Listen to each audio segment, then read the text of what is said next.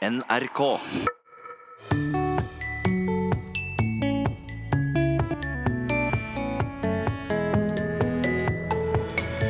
Du får en liten oppfordring i Språkteigen i dag. Jeg syns at folk skulle gå ut, eh, lytte til seg sjøl litt når de snakker, lytte til andre, og rett og slett oppdage pulsslagene i det norske språket. Men hva er pulsslaget, eller rytmen, i språket vårt? Og hva er en vedsnobb? Der tror jeg vi har liksom den norske idealkubben. Dette er eh, noe for en vedsnobb. Ja. Vi jakter på svaret i vedstabelen hos Lars Mytting. Vel møtt til Språkteigen.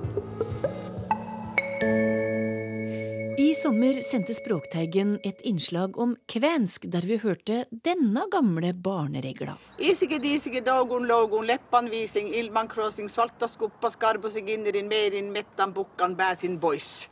Det fikk Nils Langeland til å undres.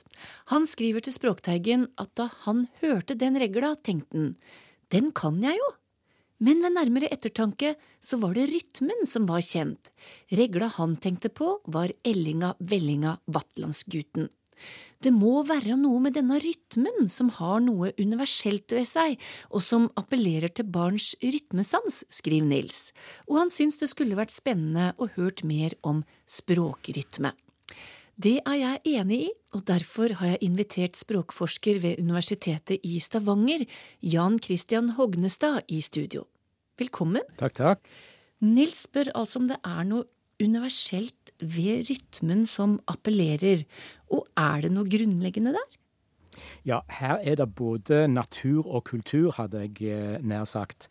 Eh, For det, dette regelmessige som gjentar seg, det tror jeg er veldig djupt eh, planta i oss. Altså hjerterytme, ikke sant, det er jo det mest fundamentale. Åndedrett. Eh, Og så har vi uttrykket døgnrytme, Ja. som egentlig både gjelder hva vi mennesker foretar oss, og hvordan naturen til en viss grad er innretta. Ja, så rytmen ligger der. Ja, han gjør det, altså. Mm. Men er det slik at barn er spesielt mottakelige for denne rytmen, slik som Nils skriver? Ofte så tror jeg det er sånn at ting som er helt fundamentale for alle mennesker, med fordel kan studeres i jeg hadde nær sagt i ren form, i destillert form, så å si, hos barn. Eh, lyst og smerte, sorg og glede, ikke sant, representert med gråt og latter, og òg rytme som det helt fundamentale. Se på ungene, de viser oss hva som virkelig betyr noe. Og hvordan setter denne rytmesansen preg på oss som mennesker, da? Ja, for å ta et eksempel. eh, For en annen ting som vi kan gjøre, er jo eh, som alternativ til å studere barn, så kan vi snu- oss bakover i historien eh, og se på fortida. Fordi at hvis rytmen er så fundamental som vi nå sier, så bør vi jo kunne finne den til alle tider. Og ser vi på skriftlige kilder til fortida, nemlig gammel litteratur, så var jo den nettopp nokså konsekvent skreven i bonden form. Tenk på Homer i antikken, tenk på Dante, tenk på Shakespeare. Det de skrev var i bonden form, eh, og det gjorde de nettopp når det de skrev skulle heve seg over det daglige og trivielle, så å si. Ja. Nå, nå kan jo selvsagt prosa òg ha rytmiske kvaliteter, men i litteraturen så er faktisk prosaromanen eh, noe relativt nymotens, går det an å si. Og så kommer vi litt utenom musikken. Nei, selvsagt. Eh, og da må vi jo si ja. Og hvordan er den musikken som er mest populær blant folk flest? Jo, det er den rytmiske musikken.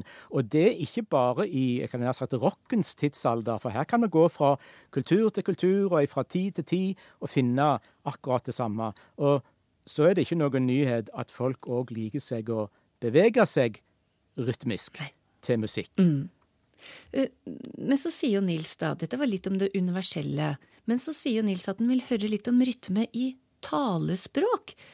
Ligger det en rytme i sjølve talespråket? Ja, det gjør det. Så det. Og det er et eh, ganske interessant eh, emne. Nå må vi kanskje si at eh, noe av det vi har snakka om til nå, Ja. snarere kanskje har vært takt enn rytme. Fordi at den rytmiske musikken, for eksempel, den er jo ofte veldig sånn skjematisk taktfast. Og det kan språk òg være, men da stort sett bare når vi legger opp til det. F.eks. I, eh, i vers. Bare tenk på noe som alle kan. Ja, vi elsker dette landet. Ikke sant? Det er rytme som er taktfast. Eh, den rytmen finner vi ikke i talespråket. Nei. Men har språk en felles grunnrytme, eller er det forskjell? Det er forskjell. Eh, Her er nok ikke språkforskerne helt enige, men en har tradisjonelt operert med to rytmiske grunntyper i språk. Og det tror jeg kan gi mening å snakke litt om i uh, vår sammenheng. Eh, den ene typen, da tenker vi oss at eh, ord har stavelser inni seg, sånn at vår tale er egentlig en lang, lang rekke av stavelser. Eh, og hvis vi så legger disse eh, stavelsene, legger talen vår ut på en tidsskala og måler, så er det enkelte språk som er sånn at hver stavelse er tilnærma eh, like lang i tid. Og sånne språk sier vi gjerne har en stavelsesbasert rytmikk. Ja, gjelder det norsk? Nei, det gjør det ikke. Fransk er et språk som mange har regnet som stavelsesbasert eh, rytmisk. Eh, norsk er ikke sånn, og jeg hadde nær sagt kunne knapt nok være sånn heller, fordi stavelsene i norsk er veldig kompliserte. Altså, vi har lange og korte vokaler, og vi har store og små konsonantgrupper. Eh, det er vanskelig å få norske stavelser akkurat like i tid. Så eh, det jeg hadde nær sagt det er lurt at norsk ikke er sånn.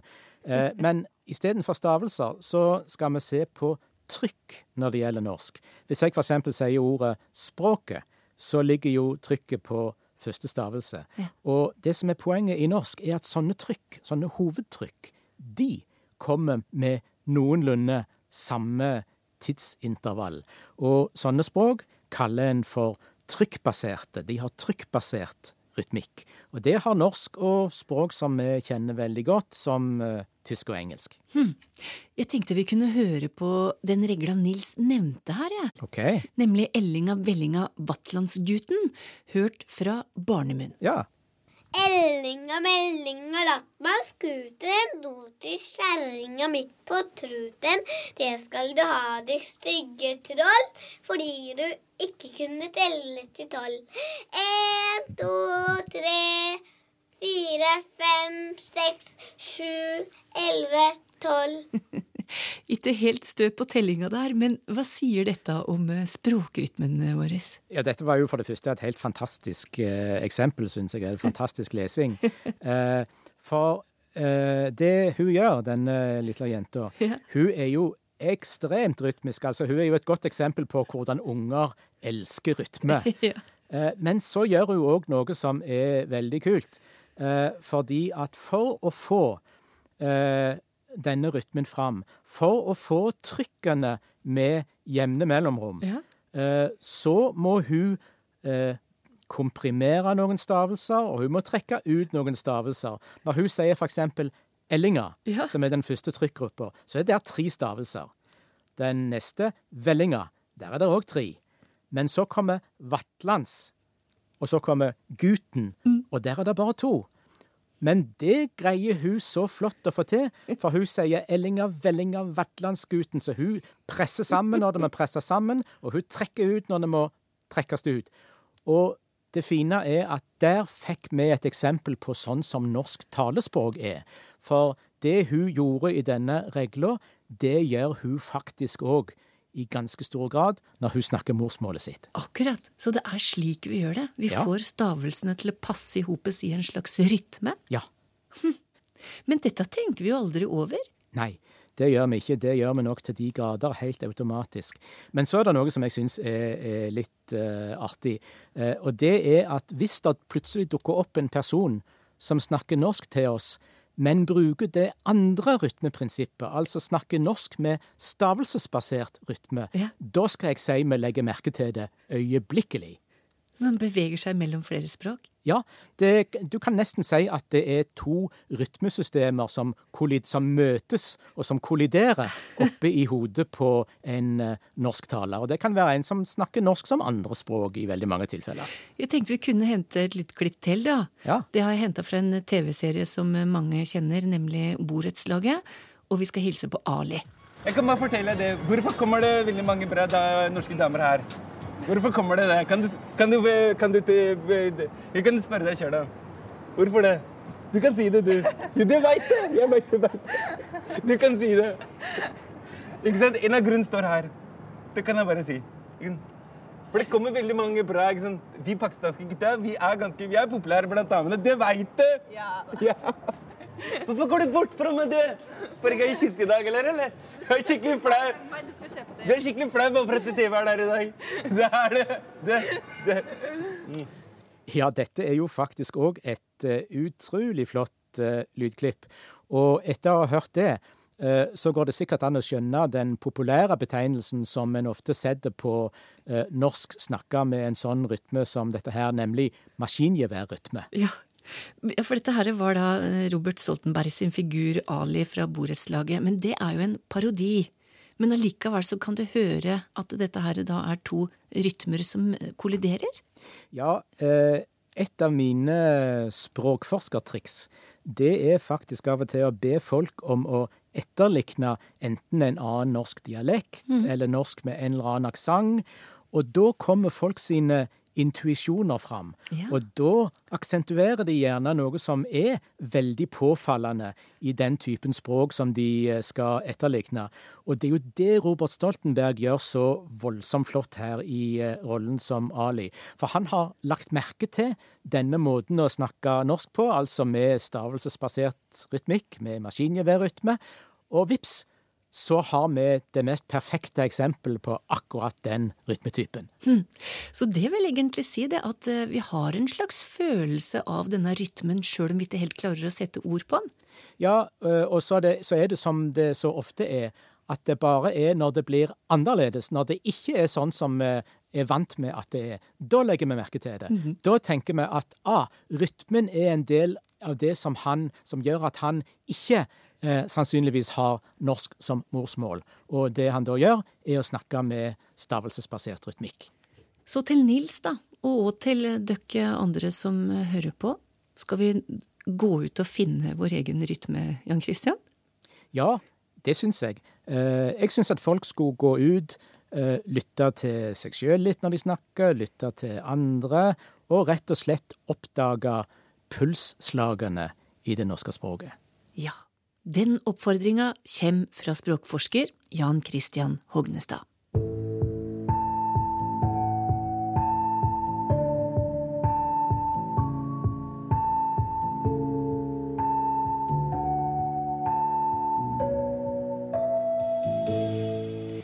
Vi skal ha et nytt lyttespørsmål, og nå er det Toril Oppsal og Sylfest Lomheim som er klar til å svare. Det er Kjersti Thomassen som skriver Nylig hørte jeg ordet vedsnobb.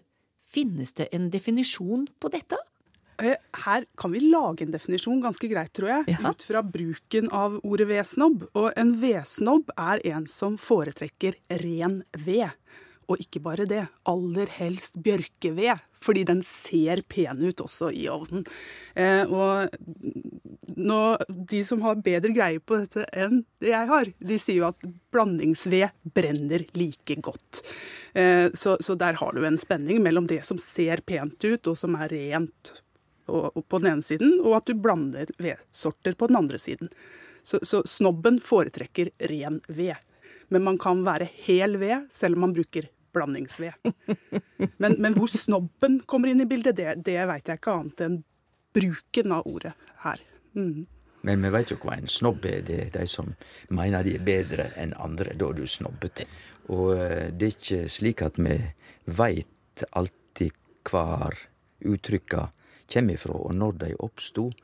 Eh, så jeg sier ikke at det er 100% garantert sant, det jeg sier, men ei forklaring på ordet snobb er vi har det fra engelsk. Det er nok et faktum. Det er ikke fake news.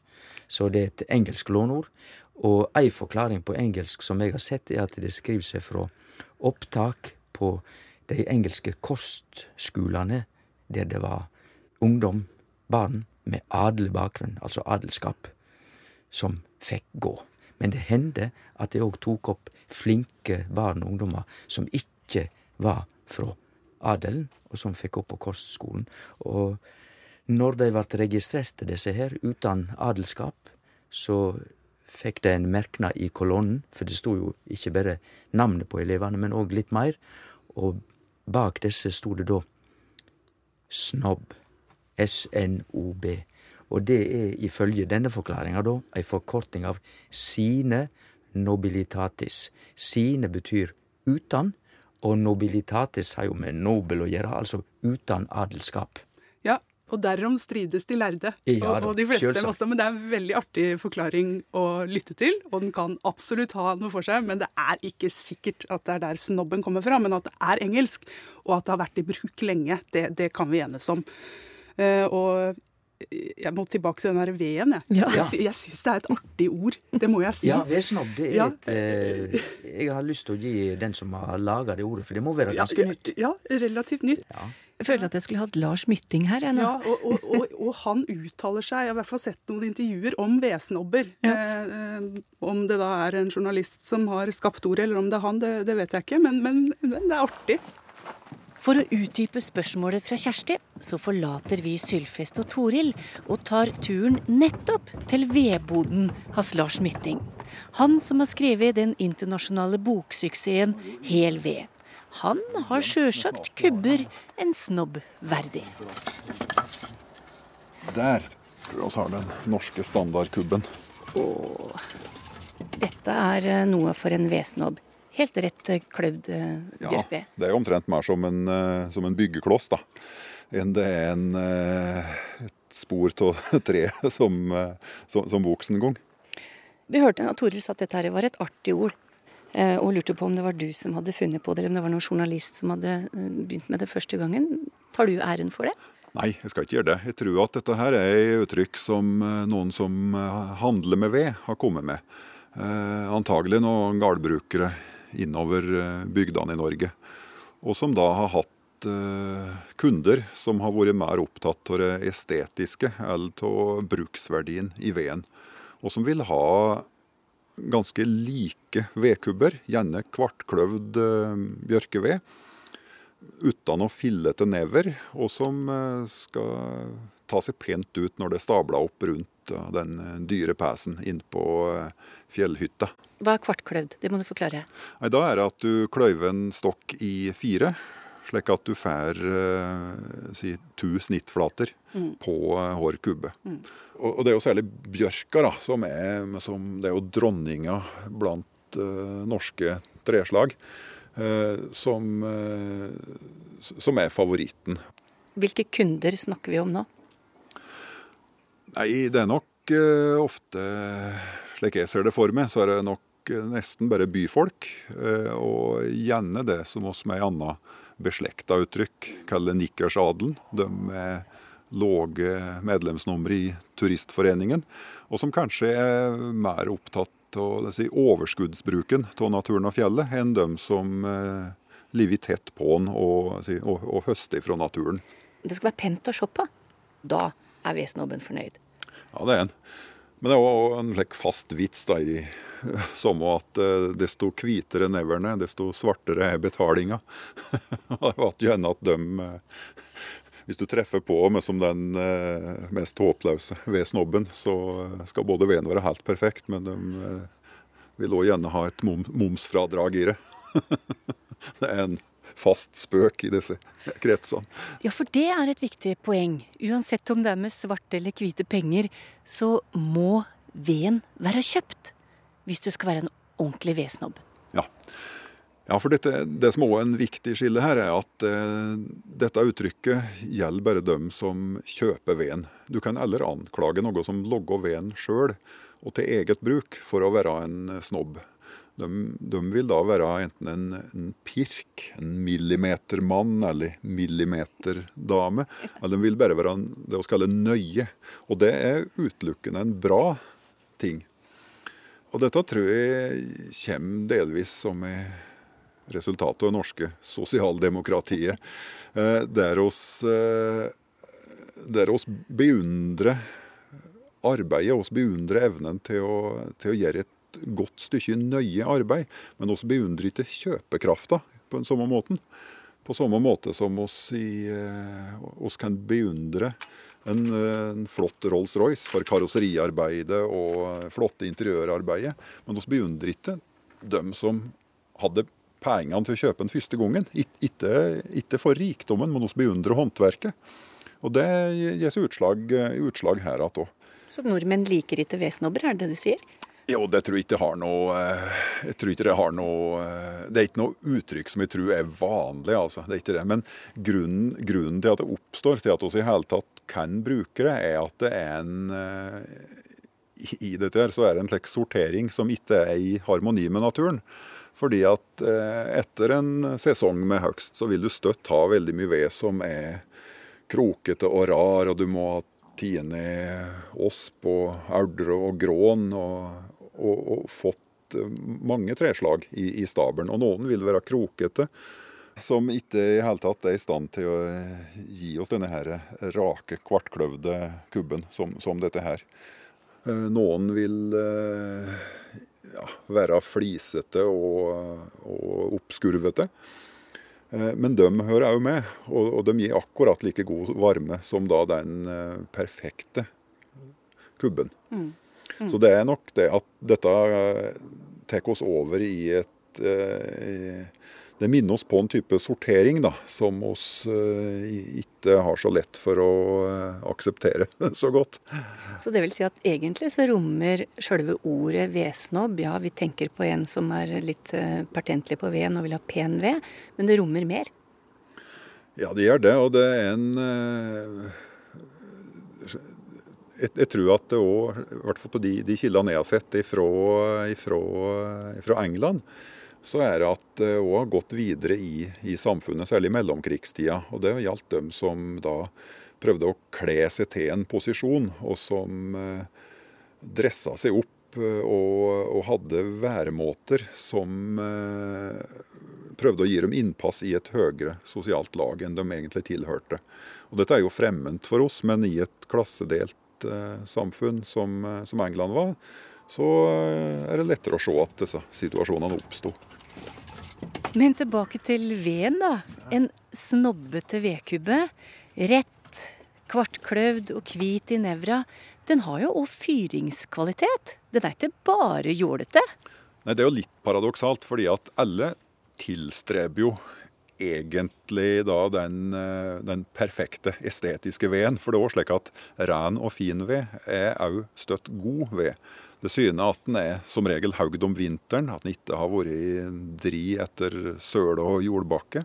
Og gitt gode tørkeforhold, slik at det ikke har kommet da svertesopp eller, eller mugg på den. Mm. Så alle tilstreber jo å ha så pen og fin ved som mulig, rett og slett av den grunn. Det er ikke mye krokete ved her heller da, Lars? Nei, men den er der. Så der er den krokete. Ja. Eget lager. Ja, ja. Alt som er krokete og ikke går i stabel, det hiver i binger som er innafor. Og det er denne jeg syns er artigst å fyre med. For at der er det som er det, det dømmer hukse. Det er det som er resultatet av det strieste arbeidet. Alle de kubbene som ikke ville gi etter for øksa. De hukser, det er Av og til så jeg nesten husker situasjonen som jeg hogde i når jeg bærer den inn i ovnen. Så, så, det er en påminnelse om, om arbeidet og trælet. Og, og, det er veldig fint å kunne sitte vinterstid og varme seg på sitt eget træl. Mm. Vi fant altså både krokete ved og kubber en vedsnobb verdig hos forfatter Lars Mytting.